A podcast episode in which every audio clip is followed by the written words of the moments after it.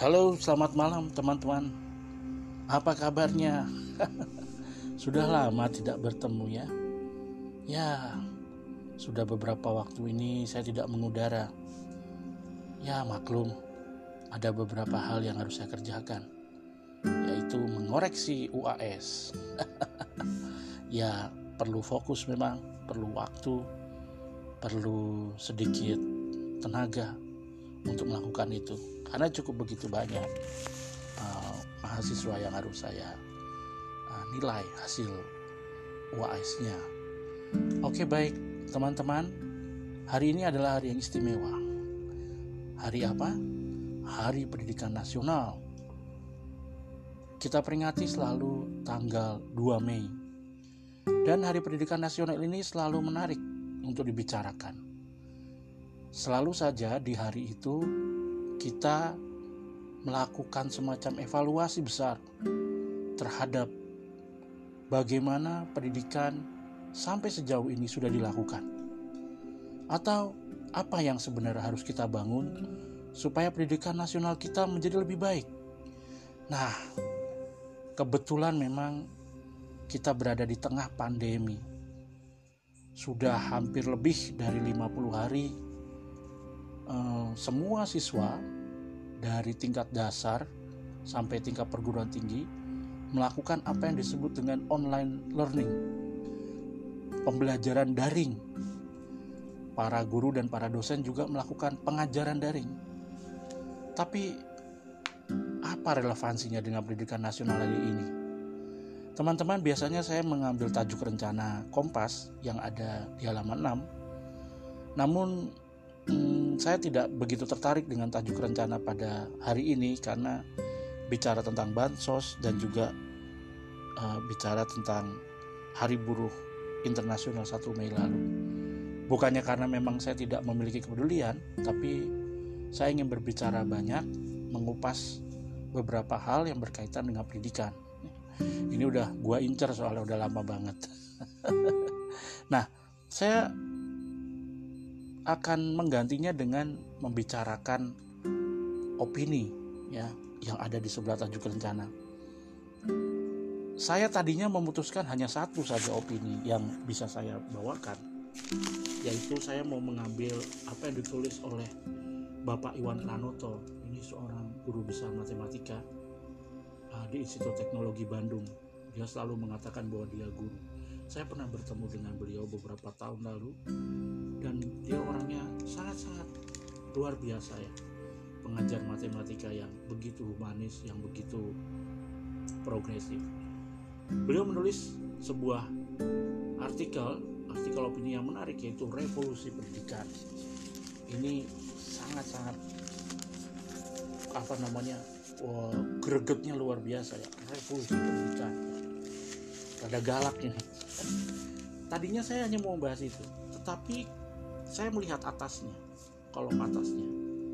Ada opini yang ditulis oleh Romo Haryatmoko, seorang Yesuit, uh, pengajar di Universitas Sanata Dharma dan Pasar Sarjana Fakultas Ilmu Budaya Universitas Indonesia, berjudul Harapan Setelah COVID-19. Jadi begini teman-teman, saya mau mencoba melihat apa relevansi keduanya. Kadang-kadang kita melihat opini ini terlepas satu pokok persoalan dengan pokok persoalan lain. Tapi entah mengapa hari ini saya melihat bahwa kedua hal ini sangat berkaitan. Romo Haryono cukup bagus untuk menampilkan uh, pernyataan yang memang dapat kita setujui bersama, yaitu COVID-19 ini sangat disruptif. Disruptif itu apa? Yaitu memutus pola-pola perubahan dan ditandai dengan gelombang inovasi. Nah, COVID-19 ini disebut sangat disruptif, mengacau, bahkan menghancurkan karena menjelma menjadi proses yang menginterupsi seluruh program kehidupan bersama.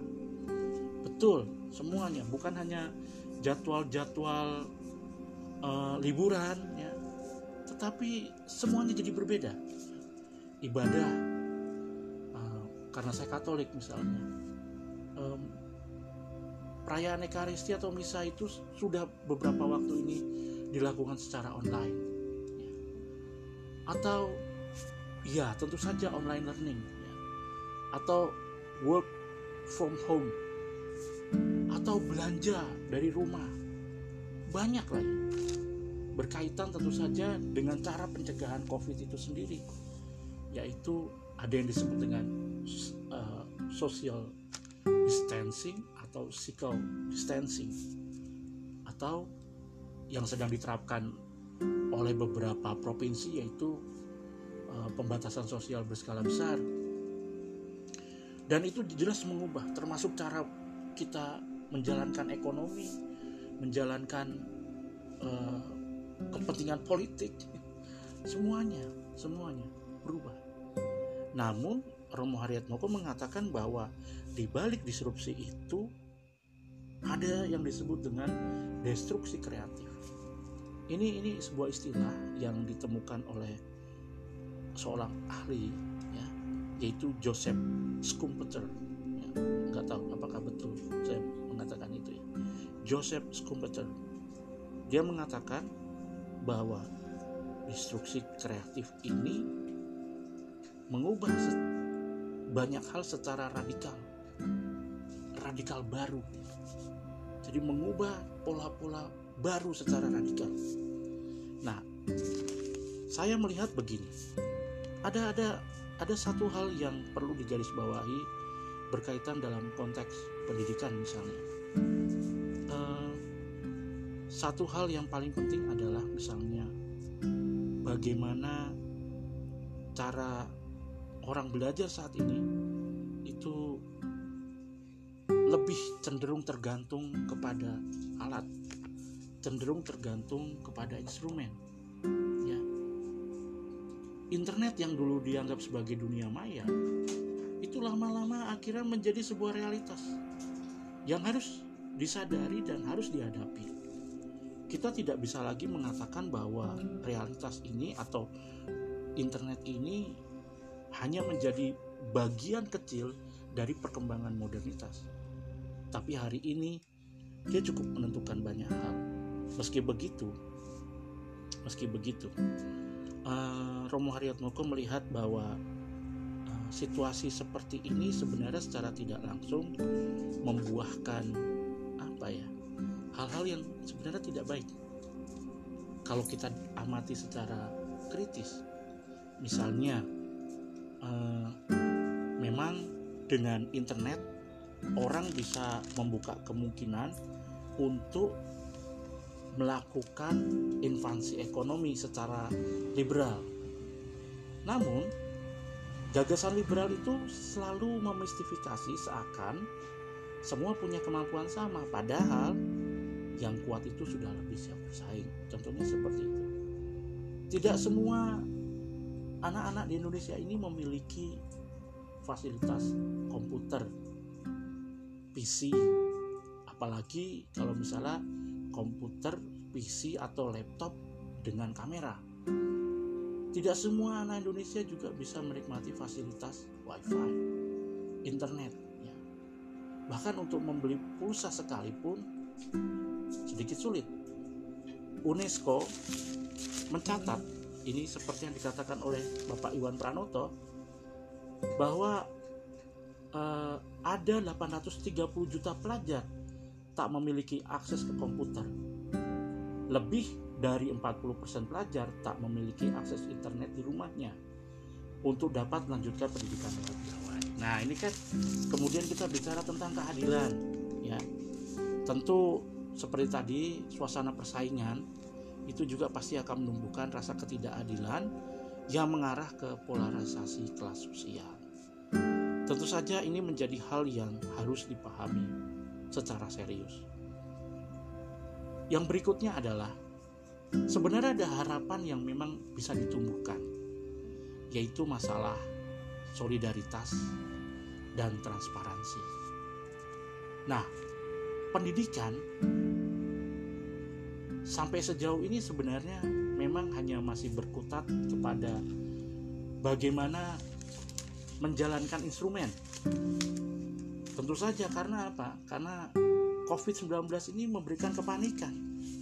maka semua sekolah yang tadinya tidak pernah berpikir untuk memiliki wifi atau memiliki jaringan atau memiliki uh, sarana atau tools untuk administrasi sekolah secara online itu kebakaran jenggot dan mau nggak mau tidak mau mereka harus melaksanakan itu sistem seperti ini menjadi begitu normal pada hari ini tetapi sayangnya sayangnya tidak diimbangi dengan pemahaman mengenai atau pemahaman dengan logika sosial. Jadi seolah-olah dipahami ini kebutuhan saja. Nah, kebutuhan itu akhirnya sering kali menjerumuskan kita kepada prinsip-prinsip seperti efektivitas, efisiensi dan sebagainya.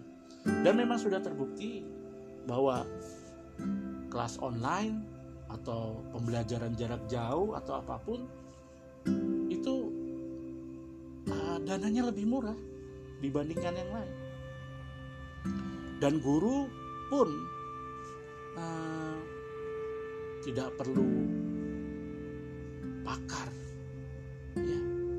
Tetapi dia adalah seorang fasilitator yang bisa memampukan bahan-bahan atau materi itu tersampaikan. Artinya siapa saja bisa di sini. Yang kedua kita bisa tahu juga bahwa menurut Bapak Iwan Pranoto hari ini kita itu bisa semakin luar biasa menjadi uh, pembelajar mandiri.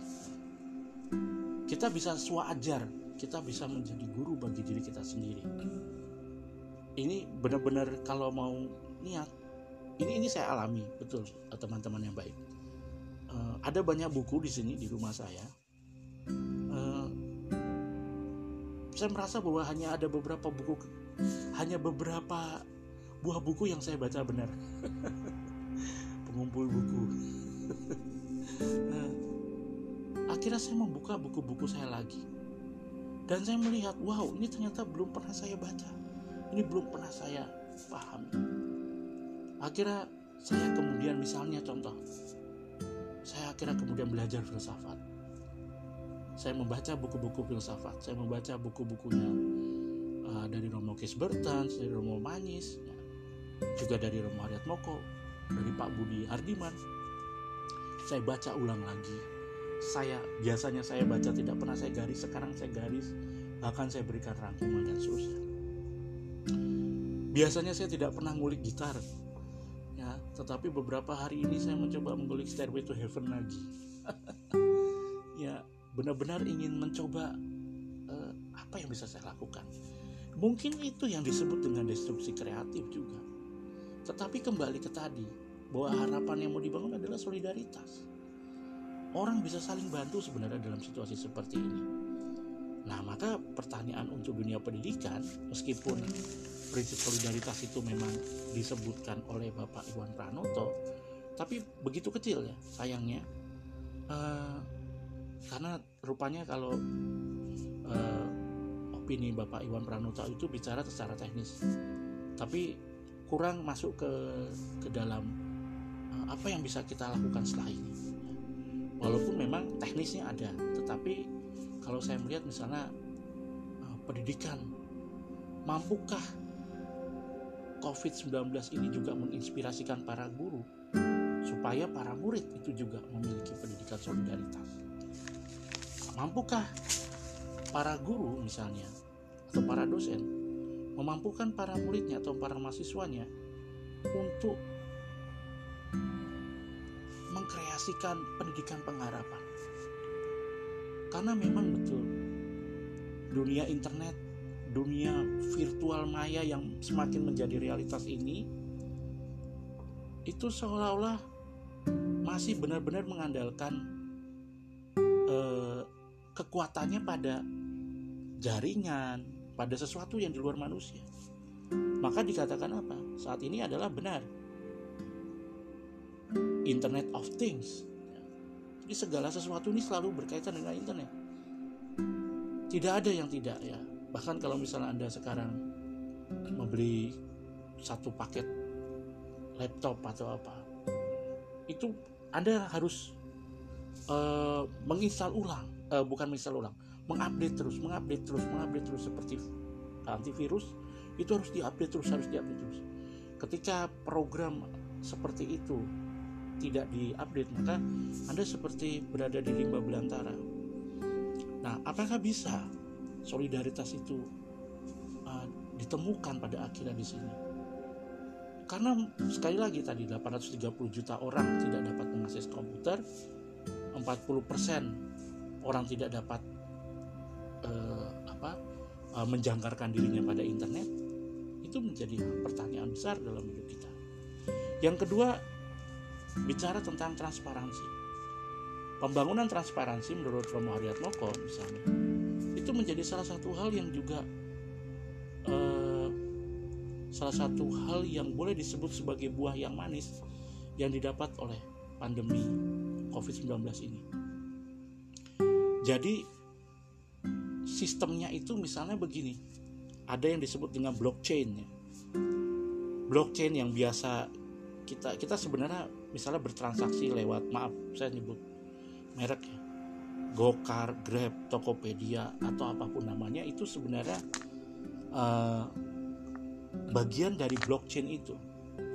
Jadi blockchain itu bisa menjamin transparansi protokolnya aman ya di mana jaringan komputer secara kolektif itu memverifikasi transaksi sebelum direkam dan disetujui seperti dipakai di tadi ya beberapa uh, apa namanya layanan itu.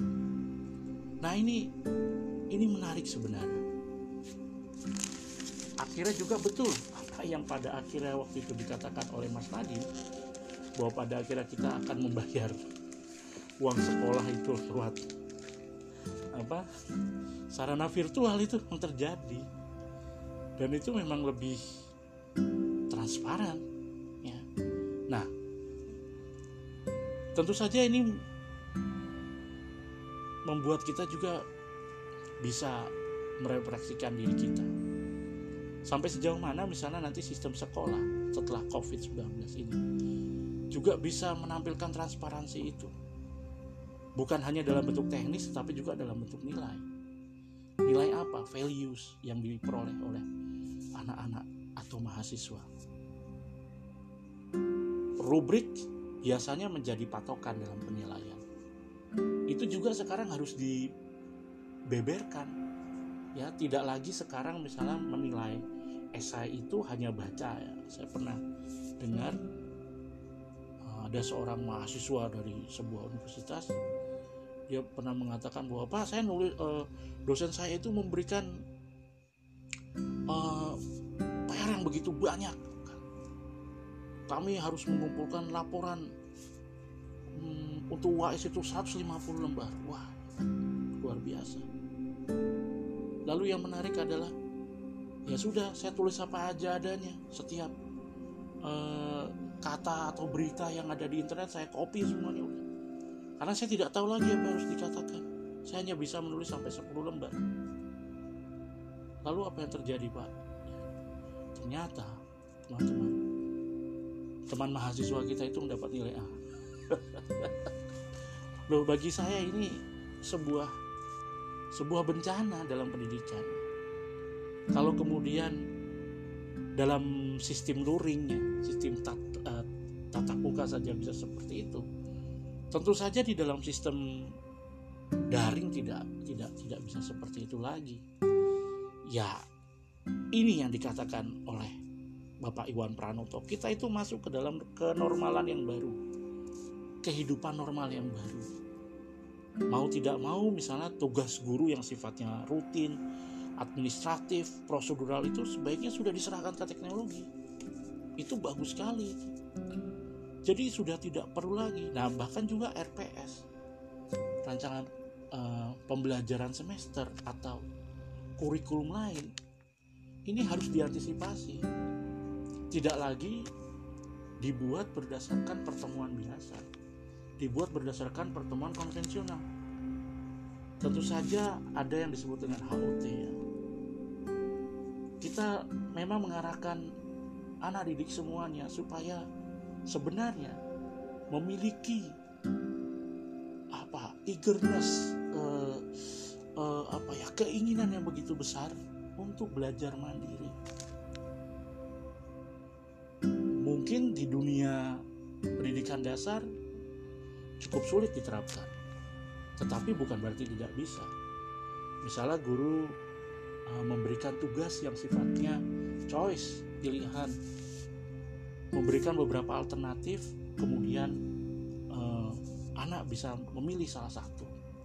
Diberikan choice itu jauh lebih bagus dan sifatnya bukan uh, pencil and paper, bukan, tetapi tugas entah dalam bentuk proyek ya.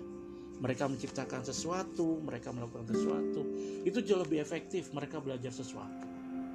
Karena tidak semua misalnya anak kota tahu apa itu lembu apa itu kerbau ya.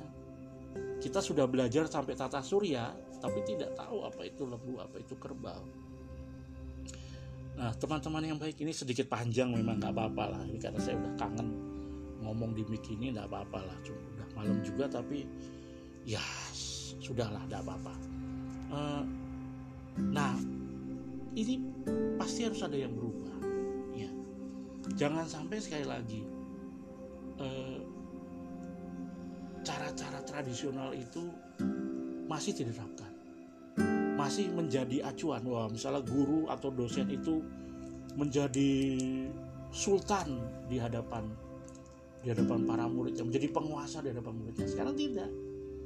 Justru menurut saya dunia virtual seperti ini membuka kemungkinan kita untuk berdemokrasi. Karena prinsipnya jadi sama duduk sama tinggi ya duduk sama rendah berdiri sama tinggi maksudnya. Ini yang terjadi.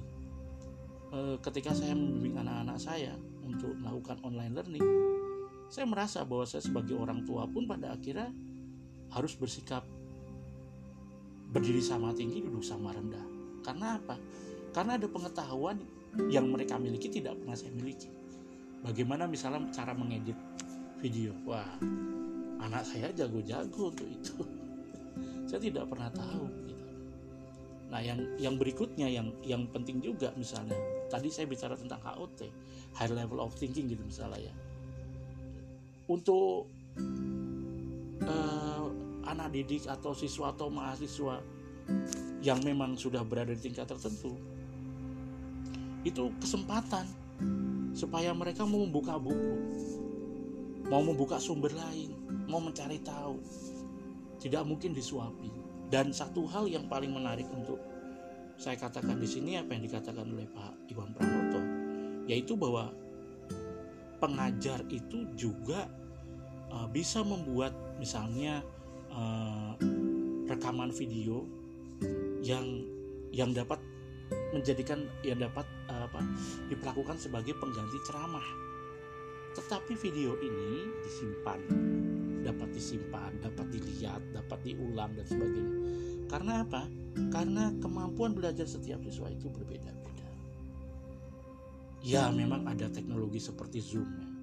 Banyak teman kayaknya kesengsem dengan uh, apa namanya dengan zoom dan sebagainya. Oke okay. tetapi bagaimana menghadapi misalnya 70 orang sampai 100 orang 40 50 70 60 70 sampai 100 jelas tidak efektif. Maka memang perlu dipikirkan kembali. Saya menggarisbawahi apa yang dikatakan oleh Bapak Iwan Pranoto itu penting.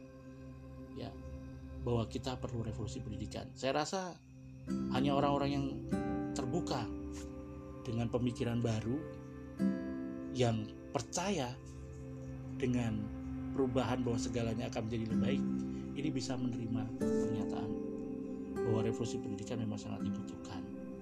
Nah saya tutup bahwa menariknya hal ini ternyata tidak bertabrakan dengan prinsip kepercayaan dan kindness Maksudnya apa? Bahwa masih ada celah kita juga mendidik manusia sebagai manusia lain. Nah, manusia sebagai manusia yang utuh, menghormati manusia lain dalam kehidupan kita. Meskipun eh, kita melakukan online learning, tetapi perlu diingat bahwa subjeknya pun manusia. Ya, itu hanya sarana hanya sarana dan sarana seharusnya tidak menjadi yang utama oke teman-teman. Wah ini sudah cukup lama ya.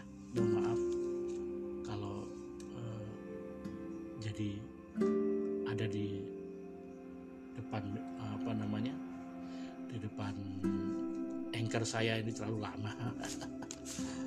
Akhirnya semoga ini dapat menjadi kekuatan bagi kita semua harapan bagi kita semua.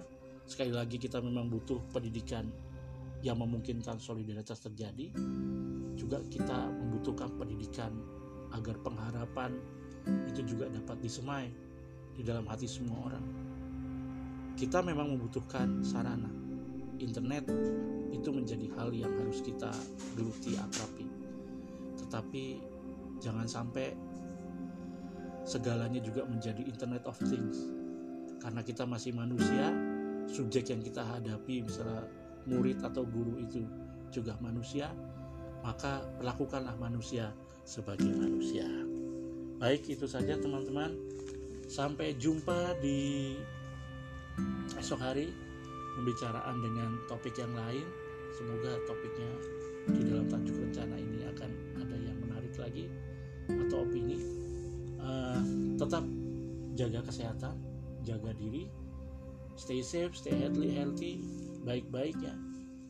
Dan jangan lupa tetap berpikir sehat. Itu saja. Sampai ketemu lagi. Selamat malam misi ah